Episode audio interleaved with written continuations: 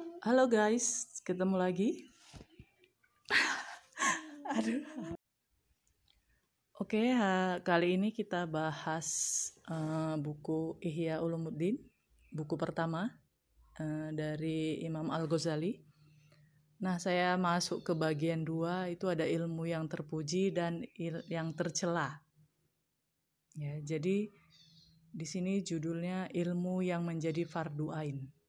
Jadi wajib bagi diri sendiri. Nah, Nabi Muhammad SAW bersabda, menuntut ilmu wajib bagi setiap muslim. Beliau juga bersabda, carilah ilmu sekalipun hingga ke negeri Cina. Ada perbedaan pendapat di kalangan ulama tentang cabang ilmu yang fardu ain bagi seorang muslim. Nah, tidak kurang dari 20 kelompok yang berbeda pendapat dalam masalah ini. Para ahli kalam, mutakalim atau teologi, ahli teologi skolastik berkata bahwa ilmu kalamlah yang jadi fardu ain bagi setiap muslim. Karena dengan ilmu itu mereka mengetahui tentang keesaan Allah atau ketauhidan lah. Eh, Zatnya juga sifat-sifatnya. Nah, sedangkan para fakih, ahli fikih, nah ahli fikih ini biasanya kalau jamaknya ya atau lebih dari satu disebut fukoha, mengatakan bahwa ilmu fikih lah yang fardu ain. Karena dengan pertolongan perkara ibadah, ya dengan melakukan amal-amal ibadah, urusan dunia dan hal-hal haram serta halal dapat diketahui dan dipahami. Nah, para hadis sendiri, para muhadis, ya, mengklaim bahwa ilmu tentang Al-Quran dan Sunnah Rasulullah Shallallahu Alaihi Wasallam adalah fardu ain. Para sufi berkata bahwa tasawuflah ilmu yang dimaksud. Nah, jadi kata orang sufi, tasawuflah yang merupakan fardu ain. Demikian seterusnya. Jadi setiap para ahli itu eh, tergantung dia dari bidang yang mana ya. Eh, jadi menentukan ilmu yang mana untuk fardu ainnya, untuk yang wajib kita eh, tuntut, ilmu mana yang wajib kita tuntut. Nah, Abu Talib Al-Maki menyebutkan bahwa pengetahuan mengenai rukun Islam yang lima sebagai ilmu yang fardu ain. Jadi rukun Islam yang lima itu sebagai fardu ain yang wajib bagi setiap muslim. Hmm, halo, Eh, ketemu lagi ya hari ini. Hari ini pengen bahas tentang bukunya Aji Silarus, Sejenak Hening. Jadi paling bawah itu ada kata-kata seperti begini. Menjalani setiap hari dalam hidup dengan sadar, sederhana, dan bahagia. Dengan sadar, sederhana, dan bahagia. Nampaknya gampang ya, tapi susah di, dilakukan. Nah, saya eh, buka chapter pertama ini menutup jendela. Jadi sebelum chapter pertama itu ada tulisan bahasa Inggris, we must quiet the mind to truly hear. Jadi kita harus menenangkan pikiran untuk benar-benar mendengar. Nah, jadi di sini ada eh, ada suatu malam hari yang dingin karena hujan begitu derasnya tanpa sela. Saya pulang ke rumah. Ternyata jendela rumah masih terbuka.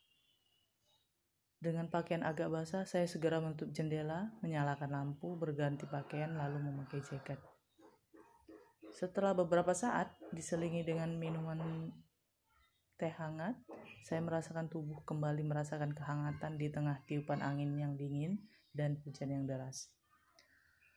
Saya pun lalu tertidur pulas, mengarungi mimpi hingga puas. Kadang di keramaian itu membuat kita terombang-ambing tidak menentu. Kita merasa kesepian, bingung, dan tidak nyaman. Kita berharap bisa kembali pulang ke diri sendiri, merasa kehangatan lagi.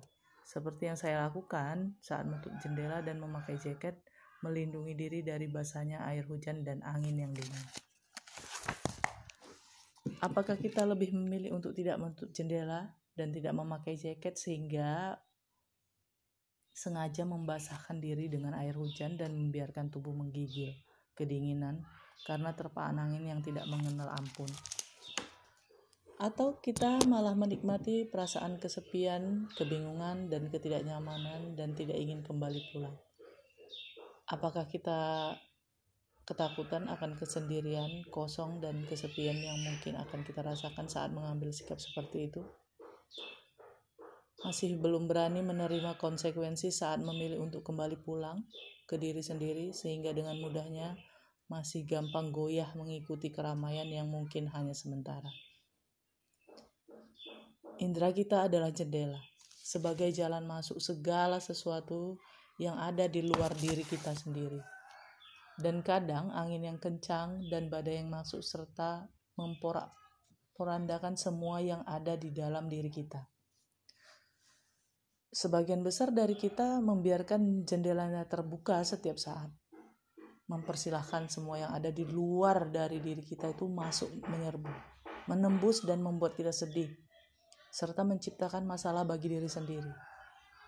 Tapi setelah itu terjadi, mencari-cari siapa yang bisa jadi sasaran empuk untuk disalahkan. Kita pernah merasa kesepian, dingin, ketakutan. Pernahkah? Uh, pernah nggak kita lihat acara TV yang jelas-jelas tahu tayangannya nggak baik, tapi malah tetap aja masih ditonton dan tidak mengganti saluran atau mematikan TV-nya?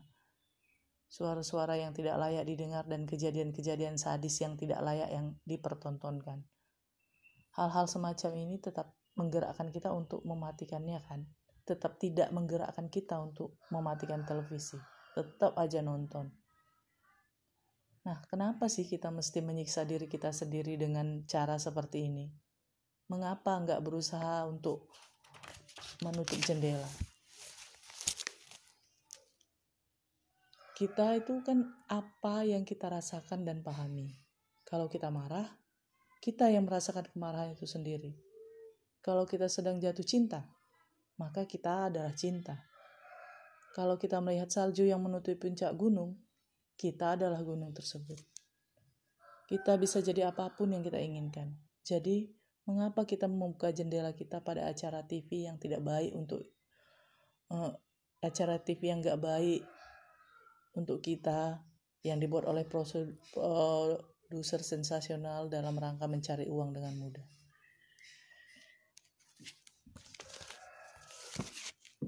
Menghilangkan jati diri dengan cara seperti itu berarti rela takdir kita ditentukan oleh orang lain yang mungkin gak peduli sama kita. Sebaiknya kita menyadari cara-cara apa yang membahayakan sistem saraf dan pikiran juga hati kita dan acara-acara mana yang bermanfaat bagi kita. Sekian hari ini. Semoga hmm, setiap harinya kita bisa memilih hal yang baik untuk kita dan tidak mendengarkan apa yang tidak baik untuk kita.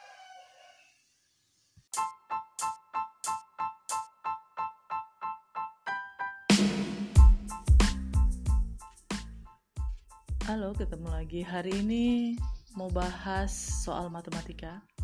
Hmm, bentuk sederhana. Ini ada soal bentuk sederhana dari A pangkat minus 5 dikali B pangkat 4 dikali C pangkat 3 dibagi A pangkat minus 4 B pangkat 5 C pangkat 2 dipangkatkan keseluruhannya dengan dua dipangkatkan dua jadi semuanya.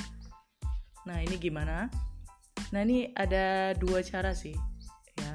Yang pertama semua pangkatnya itu dikalikan dua dulu karena kan semuanya itu dipangkatkan dua baru kemudian dibagikan. Nah cara yang kedua uh, dibagikan dulu baru setelah selesai semuanya baru dipangkatkan dulu. Artinya pangkatnya semua dikalikan dua. Nah uh, kita pakai cara yang pertama ya. Cara yang pertama itu semua dipangkatkan dua. Jadi A pangkat minus 5 dipangkatkan 2 berarti kalikan 2 pangkatnya berarti A pangkat minus 10 B pangkat 4 menjadi B pangkat 8 C pangkat 3 menjadi C pangkat 6 3 kali 2 ya. Jadi A pangkat minus 10 per B pangkat 8 dikali C pangkat 6 sorry tadi bukan per tapi kali ya. Kemudian dibagi A pangkat minus 4 B pangkat 5 C pangkat 2 karena dipangkatkan 2 maka semuanya juga dipangkatkan 2 jadi A pangkat minus 8 B pangkat 10 C pangkat 4 2 kali 2 Nah, setelah dapat dua-duanya, yang atas ya, pembilang udah dapat, penyebut juga udah, tinggal dibagikan. Nah, gimana cara membagikannya? Cara membagikannya ya, absis yang sama seperti A dengan A dibagikan, maka pangkatnya tinggal kamu kurang aja.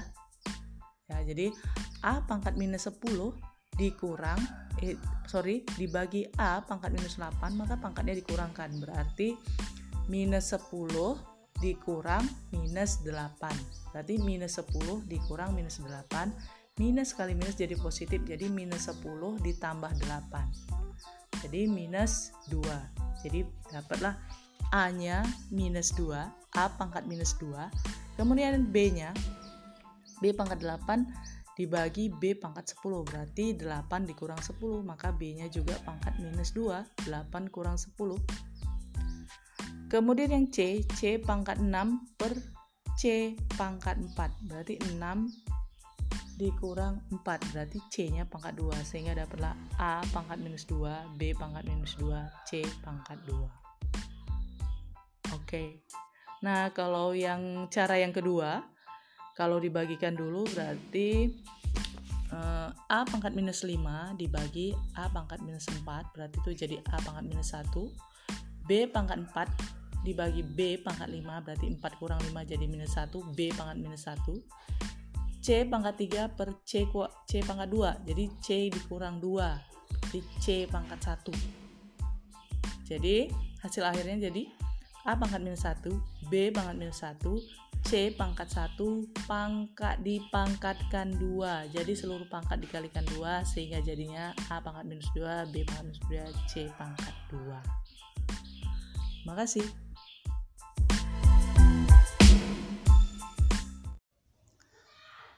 Uh, pernah dengar kayak gini, uh, untuk mendengar sesuatu, kamu itu harus mengosongkan pikiranmu atau membuat pikiranmu tenang. Jangan mikirin apa-apa, benar-benar konsentrasi pada apa yang kamu dengarkan. Nah, problem belajar sekarang itu uh, masih audio visual ya, masih mendengar sama melihat. Jadi uh, ketika mendengar itu mending, uh, ini interaksi antara guru dan murid. Ketika mendengarkan guru, murid biasa biasanya itu di dalam otaknya itu masih mikir macam-macam entah apa yang dipikirkannya. Jadi nggak ngosongkan pikiran, nggak fokus pada apa yang dikatakan guru, sehingga walaupun matanya ke guru, pikirannya entah ke mana-mana. Nah ini sama sekali gak akan membantu kamu dalam belajar. Gak akan sama sekali membantu kamu dalam mengerti akan sesu sesuatu. Jadi jika mau belajar, jika ingin memahami sesuatu, fokus, dengarkan. Sehingga ketika kamu mendengarkan, merasuk ke hatimu, kamu akan mengerti apa yang dibicarakan lawan bicaramu. Terima kasih. Halo, ini ada soal.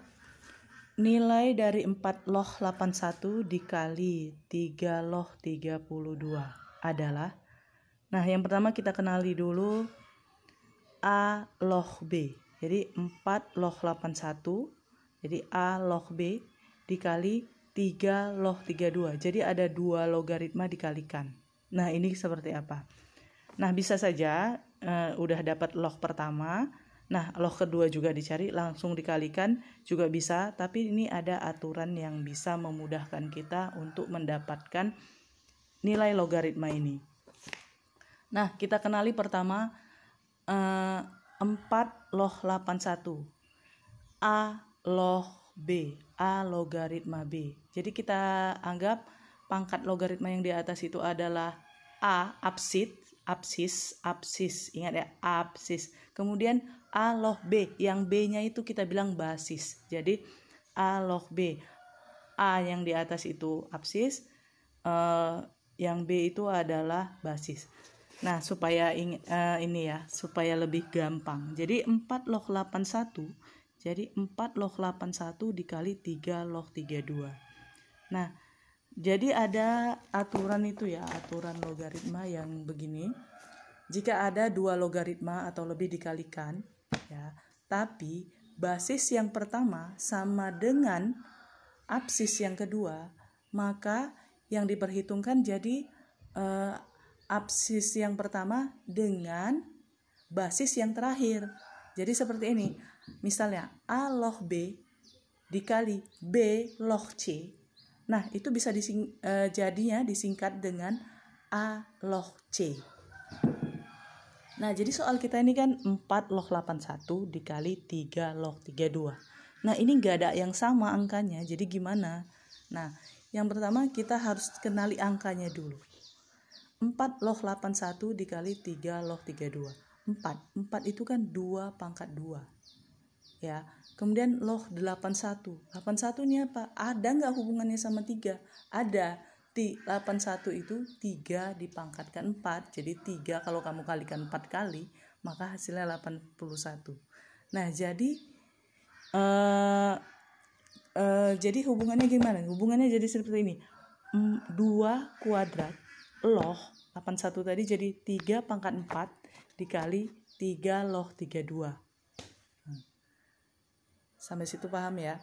Nah jadi Tadi kan uh, dua empat tadi dua pangkat dua, sementara 81 tadi uh, tiga pangkat empat.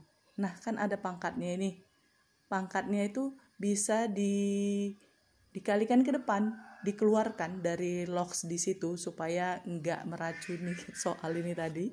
Jadi dikeluarkan yang pangkat 4 tadi, 3 pangkat 4 yang 81 ditaruh 4 dibagi karena dua pangkat dua yang kita perlukan duanya. Jadi pangkat duanya tadi kita ambil jadi 4 per 2 dikali nah tadi kan dua pangkat dua pangkat duanya udah di dilempar keluar ya. Kita buat gitu aja berlempar keluar jadi 4 per 2 tadi ya. Jadi kan dua pangkat duanya tinggal dua aja. Nah, kemudian 81 tadi 3 pangkat 4 4 nya udah kita taruhkan keluar ya. Jadi pengali tinggal tiga aja. Jadi dikali 3 loh 2 pangkat 5 2 pangkat 5 dari mana? dari 32 jadinya 4 per 2 dikali 2 loh 3 dikali 3 loh 2 nah udah sama nih ya. Udah sama basis di loh pertama dengan absis di loh kedua. Sama-sama 3 jadi 4 per 2 dikali 2 loh 3 dikali 3 loh 2 sama dengan nah 4 per 2 kan 2 jadi 2 dikali 2 loh 2 per 5 jadi loh 3 dikali 3 loh 2 nya itu hilang. Tinggal satu aja tinggal loh jadi 2 loh 32 32 itu kan 2 pangkat 5 nah kalau 2 loh 2 itu kan 1 nah 5 nya itu jadi pengali kali 5 jadi nanti 2 kali 5 dikali 2 loh 2 jadi 2 kali 5 dikali 1 sehingga dapatlah 2 kali 5 10. Gitu.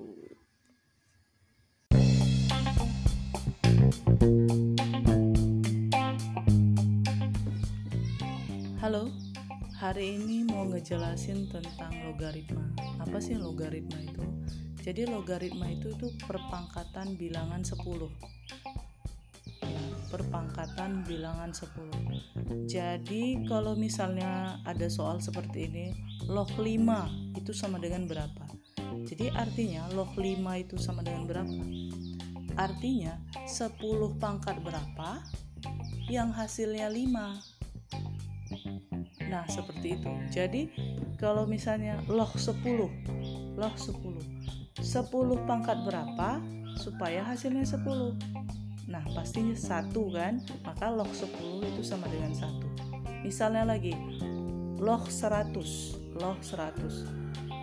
Ya berarti 10 pangkat berapa supaya hasilnya 100 Ya 100 itu kan berarti 10 kali 10 Ada 2 10 dikalikan Berarti 10 pangkat 2 Berarti log 100 itu sama dengan 2 Oke paham ya. Jadi kalau misalnya log uh, Log berapa saya lagi? Log 1000 Log 1000 berarti 10 pangkat berapa supaya hasilnya 1000 nah 1000 itu kan 10 pangkat 3 ya. 10 kali 10 kali 10 lihat aja nolnya ada berapa ada 3 oh berarti itu 10 pangkat 3 kalau nolnya ada 4 oh berarti 10 pangkat 4 kalau 10 eh, kalau 1 juta nolnya ada 6 berarti 10 pangkat 6 nah jadi kalau log 1000 ya pastinya 3 lah ya. Jadi logaritma itu logaritma logaritma saja ya itu menandakan perpangkatan bilangan 10 nah gimana kalau yang ada angkanya? Misalnya 2 log 5 nah ini artinya 2 pangkat berapa supaya hasilnya 5 contohnya 2 log 4 2 pangkat berapa supaya hasilnya 4 berarti ya 2 pangkat 2 berarti 2 log 4 sama dengan tuh 2 atau misalnya 2 log 8 berarti 2 pangkat berapa supaya hasilnya 8 nah 8 itu kan 2 pangkat 3 2 kali 2 kali 2 maka 2 log 8 itu adalah 3 jadi udah paham ya di sini arti logaritma. Terima kasih